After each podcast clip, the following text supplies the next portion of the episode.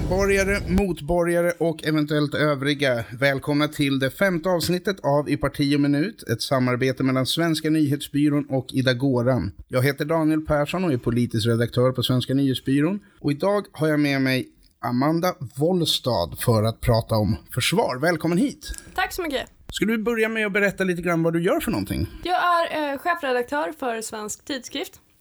Eh, tidigare ledarskribent på bland annat Kvällsposten och eh, fungerar som någon slags eh, försvars och eh, säkerhetsdebattör. Du har ju varit inriktad på försvar och säkerhetspolitik ända sedan vi träffades när du gick skribentskolan 2012.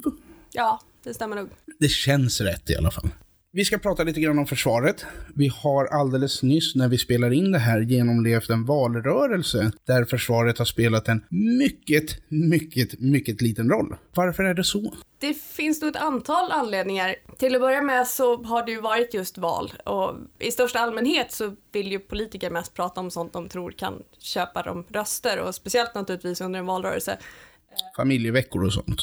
familjeveckor och sådant. Och man tror helt enkelt inte att tillräckligt många är tillräckligt intresserade av försvaret för att det ska kunna bli en, en valfråga eller några säljande slogans. Sen har vi också något av en historik på speciellt försvarsområdet där eh, båda blocken väl är ungefär lika goda kålsupare även om man på vissa håll börjar hämta sig nu. Inga nämnda, inga glömda. Den borgerliga pressen har ju inte haft samma ideologiska kringvandring eller irrfärd, ökenvandring. Välj, välj den term man känner bäst för i försvarsfrågan som vissa borgerliga partier har haft. Det är väl lite så, men nu känns det ändå som vi börjar vinna tillbaks dem till eh, vår syn på saker. Nu ska vi bara få dem att faktiskt prata om det också. Men man har, det, det har varit lite pinsamt. Eh, I och med att eh, skulden har varit relativt jämnt fördelad så har det inte riktigt funkat som någon slags blame game heller. Och sen så tror jag att ganska många är rätt nöjda just nu. Eh, inte de allra mest engagerade försvarspolitikerna naturligtvis. De inser ju hur illa situationen är. Men de flesta allmänpolitiker, man har pratat lite försvar, man är ganska överens om att försvaret ska få större tillskott. Eh, om än alldeles för lite och alldeles för sent. Och därmed så tycker man någonstans att frågan är överspelad, man är ganska överens. Eh, och då finns det ingen anledning att prata om det heller. Då är familjeveckor en, en större konfliktpunkt. Ja, någonstans så kanske vi är lite elaka mot dem där också. För i det här läget så vad man än gör så är det ju för sent jämfört med ett idealläge. Så det är ingen jättestor mening att tjata om heller. Det är bättre att saker görs nu än att de inte görs alls eller om fem år eller om tio år. Det är absolut sant. Samtidigt tror jag att man måste förstå hur eftersatt området är för att någonstans inse vilka insatser som behövs och kanske framförallt hur pass bråttom det är. Oh ja. Där den stora stötestenen i försvarspolitiken är väl delvis naturligtvis hur mycket man ska skjuta till men kanske framförallt hur snart man ska skjuta till medlen och då måste politikerna och partierna inse att pengarna behövs igår. Det är ingenting vi kan ta vid nästa försvarsinriktningsbeslut för då kommer det vara ännu mer för sent. Om vi ska titta lite grann på det här med pengar. Försvaret har ju lovats mer pengar, får mer pengar än tidigare. Samtidigt så är det ju inte, det finns en tendens i Sverige att riksdag och regering beställer någonting som man sen inte är villig att betala för.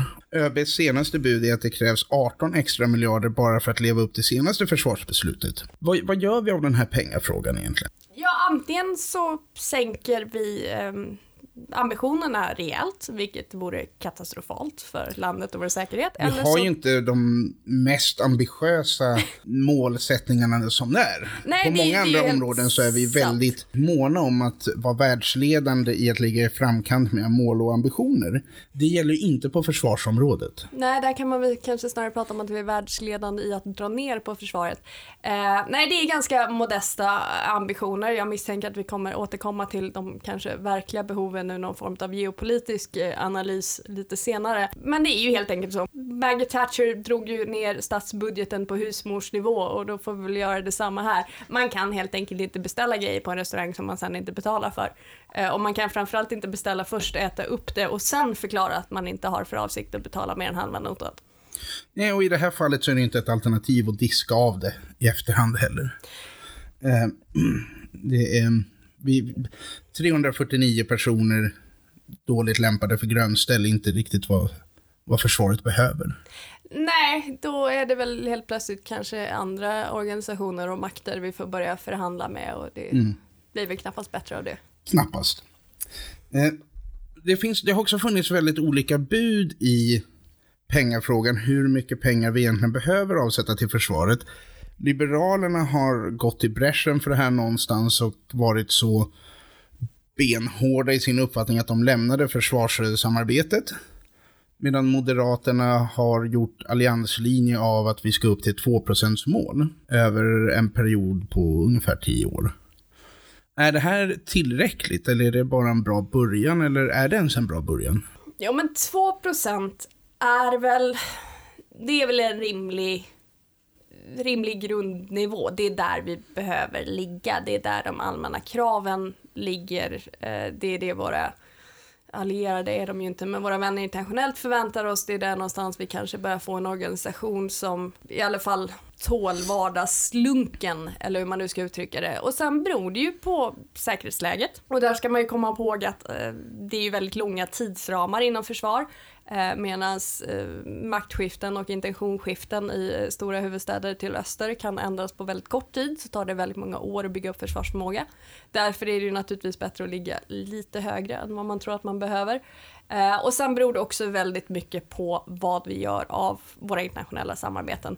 Där 2 ju är vad man kräver inom NATO och någonstans vad man kan tänka sig att man behöver om man har NATO i ryggen. Ska man försvara sig helt och hållet själv då är vi nog uppe mer på 70-talsnivåer med 3-4% av BNP åtminstone. Ja, om det är frågan om det räcker överhuvudtaget. Frågan är om någonting det, det, räcker i det läget. Exakt, det, en, en rimlig analys. Vi kan inte försvara oss själva. Nej, det kan vi inte. Det kan inget annat land heller. Det är inte unikt för Sverige på något vis. Eh, kan vi också säga. Eh, men den här långsiktigheten som behövs inom försvaret, vad är det som gör att det tar sån tid?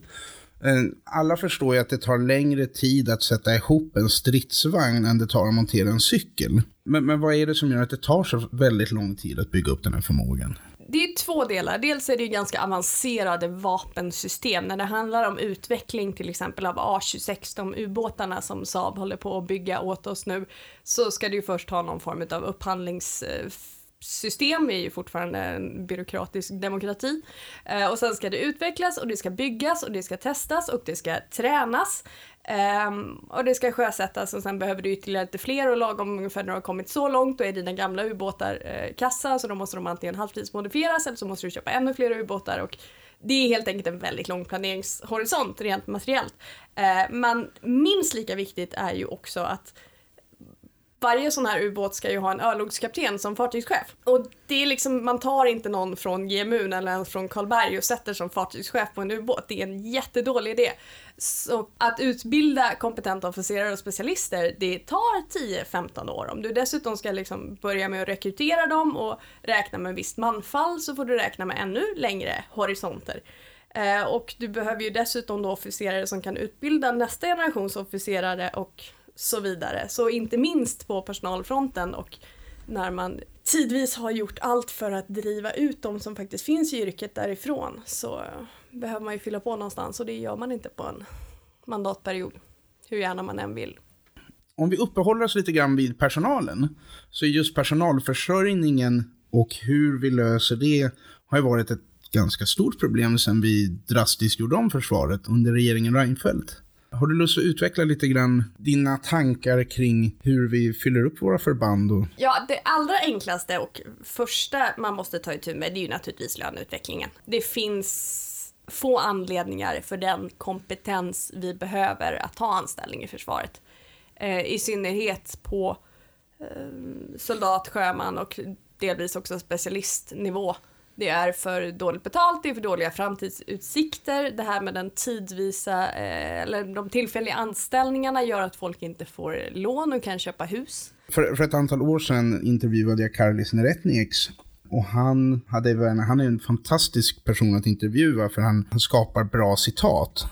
Bland mycket annat så sa han att det går ju inte att lura folk att riskera sitt liv för en McDonalds-lön. Det säger väldigt mycket om situationen som vi hade inom försvaret då, som vi har nu också. Och nu får ju alla inom försvaret inte ens en McDonalds-lön. Vi har ju återinfört värnplikten. Till liten del. Till en mycket liten del. Men icke desto mindre så har vi återinfört den. Vad har du för tankar kring det?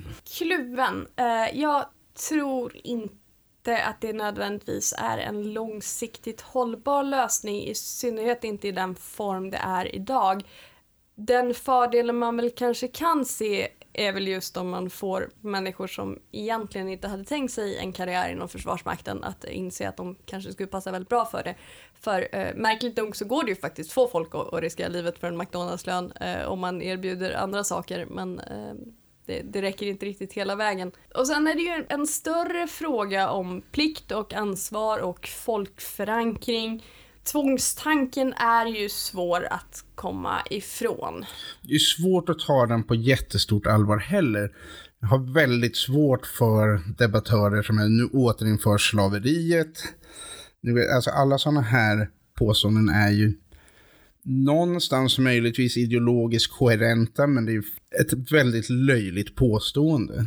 Det är väldigt mycket brösttoner. Eh, det är väl snarare intressantare i så fall huruvida man får folk som är motiverade ja. Eh, för arbetet. Är det, är det ett sätt, kan vi på det här sättet fylla upp systemet med kompetenta personer? Det måste ju vara det första man ser på. Och det är alldeles för tidigt för att utvärdera nu naturligtvis. Min stora invändning annars är att vi inte gav det andra systemet en ärlig chans. Vi försökte ju inte rekrytera personer med de löner som krävs. Vi testade ju att se, kan vi underfinansiera systemet och få det att fungera på det viset? Nej, det gick inte. Då måste vi återinföra värnplikten. Jag tycker inte att det är ett ärligt... Och det finns ju också så många andra saker man aldrig provade som ju har diskuterats mycket vagt men inte på någon form, en form av egentlig politisk maktnivå. Eh, skriva av CSN-lån, eh, mm. skatterabatter vissa perioder och så vidare. Att på det, det viset eh, tacka och eh, utbyta den tjänst för staten som det faktiskt handlar om. Men så får man inte riktigt prata i Sverige, eller kan man inte riktigt prata i Sverige därför att då går man ifrån den här tanken menas det att, att alla medborgare är lika jämlika och man får på något sätt inte försöka antyda att det kanske är värt någonting för staten och för dig och mig att andra kravlar runt i leran i x antal månader eller lär sig hantera stora vapen. Eh, vilket ju på något sätt vore det naturliga om man nu inte har pengar och ändå vill på något sätt göra det attraktivt att åtminstone genomgå någon form av grundutbildning men det räcker ju inte heller och det är väl det som egentligen är problemet med hela diskussionen. Man utgår ju ifrån, nu var ju utredningen som eh, Annika Nordgren Christensen utförde mycket gedigen och jag rekommenderar alla att läsa den. Men väldigt många politiker eh, framförallt utgår ju snarare från en massa andra politiska mål om ungdomars fostran och, och gemenskaphetstanke och möte över klassgränser och allt vad det är snarare än det som faktiskt spelar roll, det vill säga Försvarsmaktens personalbehov. För det är ju bara det som är intressant i slutändan. Vad, vad funkar bäst för försvaret? Uppfostra ungdomen, det får vi andra sköta på annat sätt. Ska vi ta och titta lite grann på anledningen till att vi behöver ett försvar, det vill säga resten av världen? För att skydda oss från varandra, det har vi polisen till. Eh, försvaret behöver vi för att resten av världen inte är pålitlig. Vad kan du säga om omvärldsläget så som det ser ut idag? Det är ju sämre än på mycket länge och det blir bara värre. Eh, även en oerhört Vad är det som blir värre? För all, jag tror att alla är vi ganska överens om att Ryssland är ett hot mot ordningen i Västeuropa eller i Europa i sin helhet. Alla är högst medvetna om, eller har varit, ockupationen av Krim och det faktum att Ryssland för krig i östra Ukraina. Men vad är det som gör att det blir värre? Tyvärr tror jag till att börja med inte att alla är så medvetna om det som de borde vara, framförallt inte vad det har för konsekvenser för resten av Västeuropa. Men vi ser ju också framförallt kanske ett Ryssland som blir allt mer skamlöst i sitt agerande eh, i Ukraina, Eh, gentemot eh, baltstaterna, eh, Polen, Finland eh, och även på den geopolitiska arenan. Eh, vad de håller på med i Syrien ska vi bara inte prata om.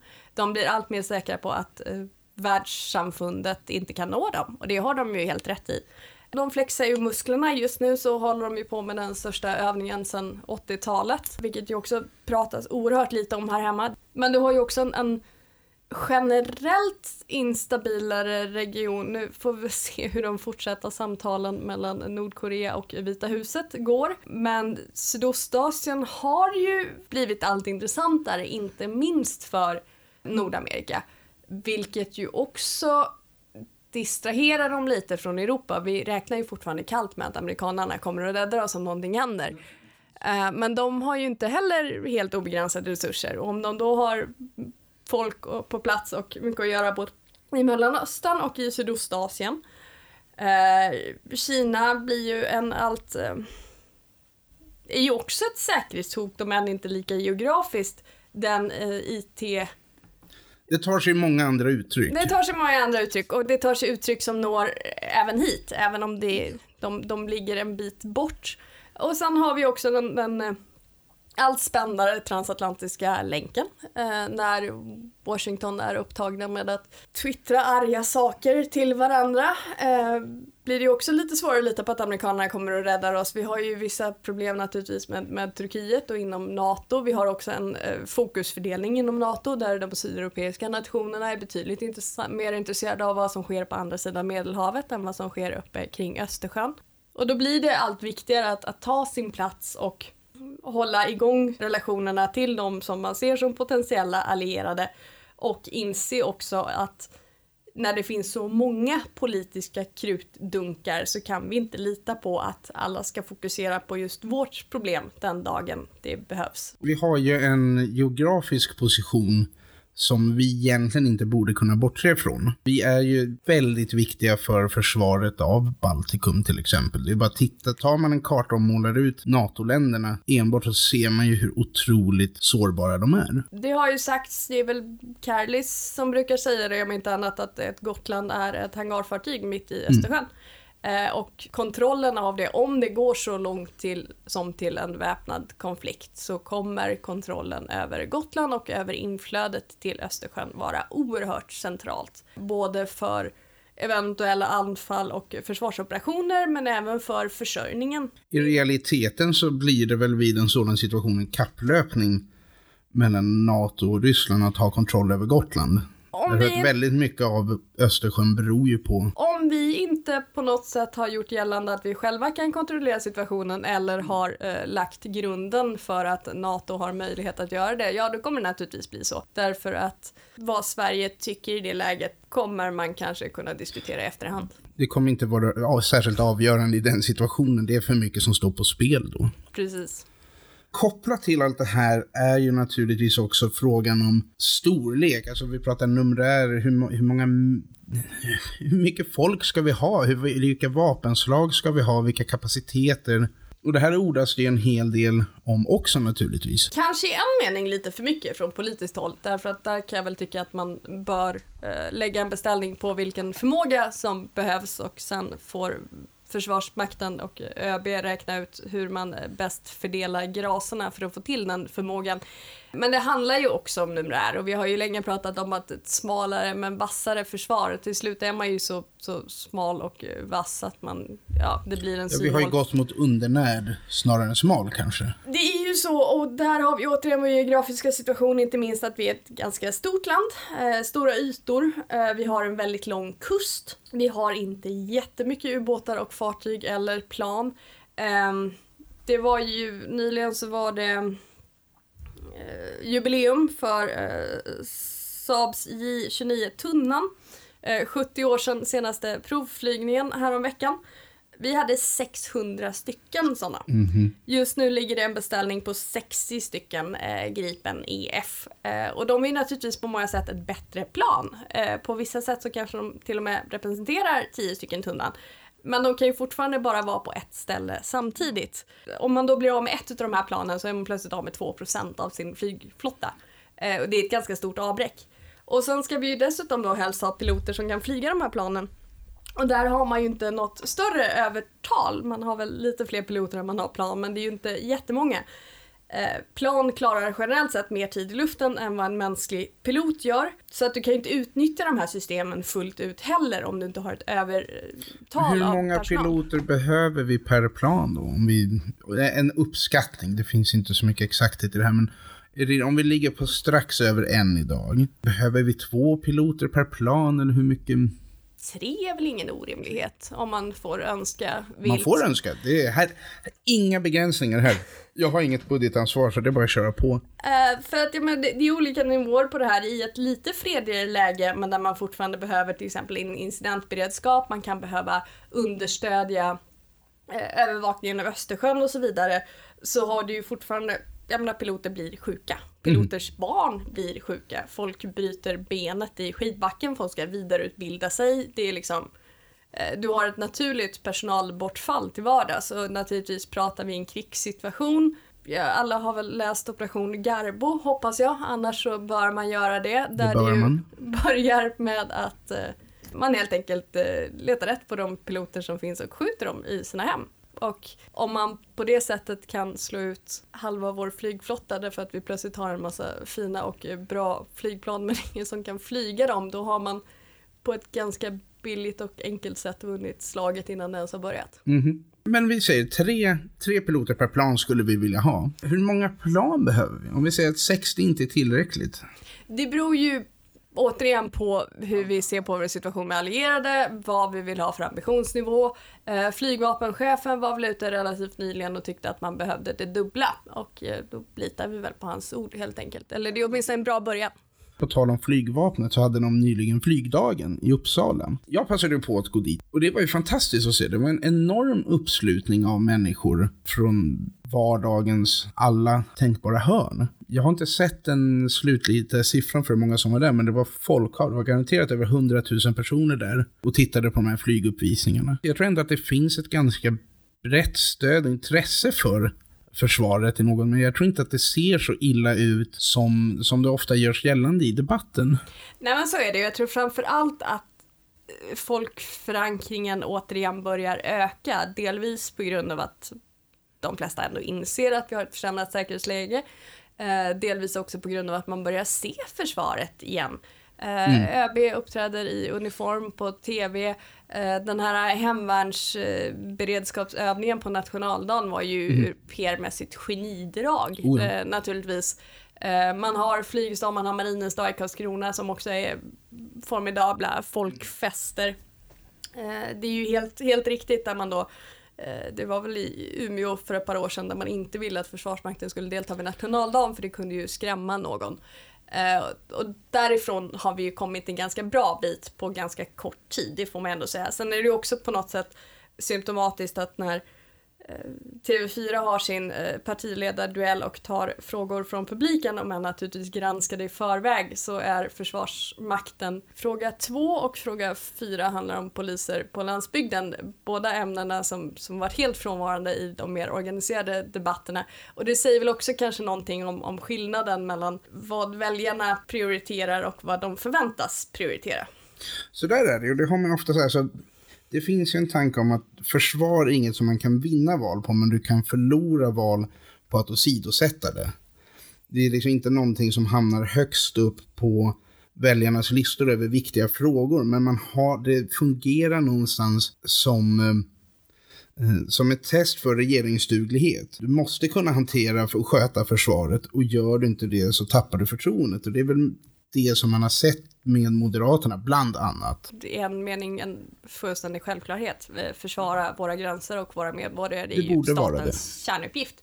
Uh, och det är väl kanske därför också det är svårt att få upp frågan på agendan, därför att det är väl kanske så självklart att uh, många inte riktigt vill inse hur misskött det området har varit under en ganska lång tid. Ska vi ta och knyta ihop det här lite grann genom att prata om någonting annat som är hänger ihop med det här väldigt mycket. Det är frågan om totalförsvar, civilförsvar, krisberedskap. Allt det här hänger ihop och det är svårt att skilja det ena från det andra.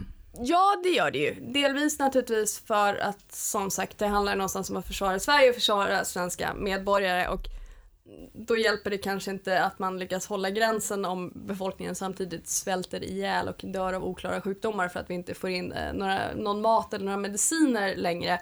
Eh, men också därför att försvaret idag är helt beroende av civil beredskap.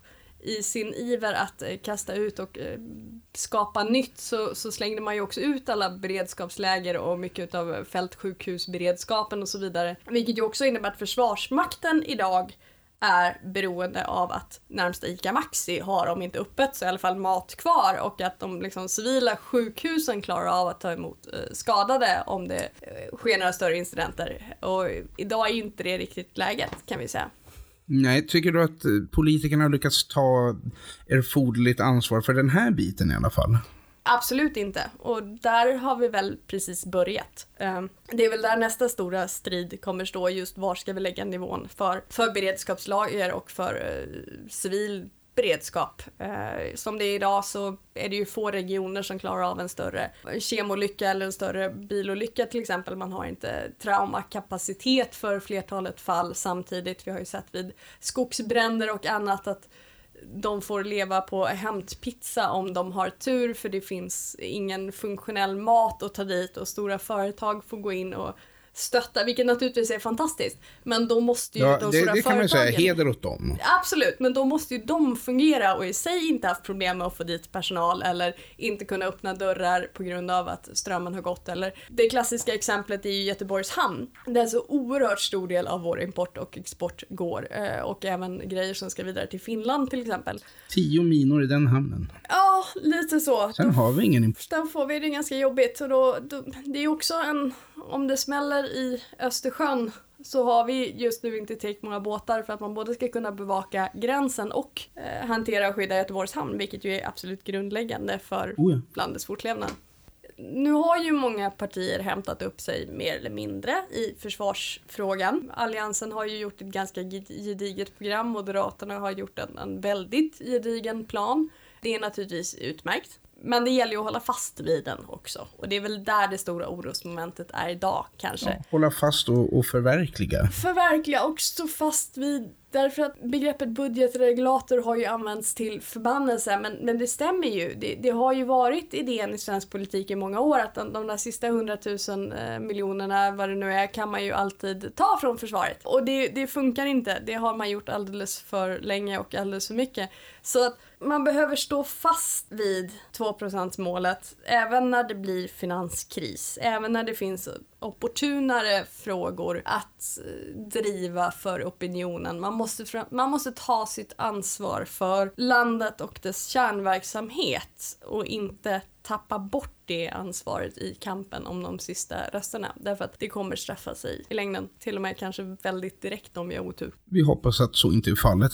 Och med det så tackar jag så hemskt mycket Amanda för att du kom hit. Tack så mycket. Tack till alla som lyssnade.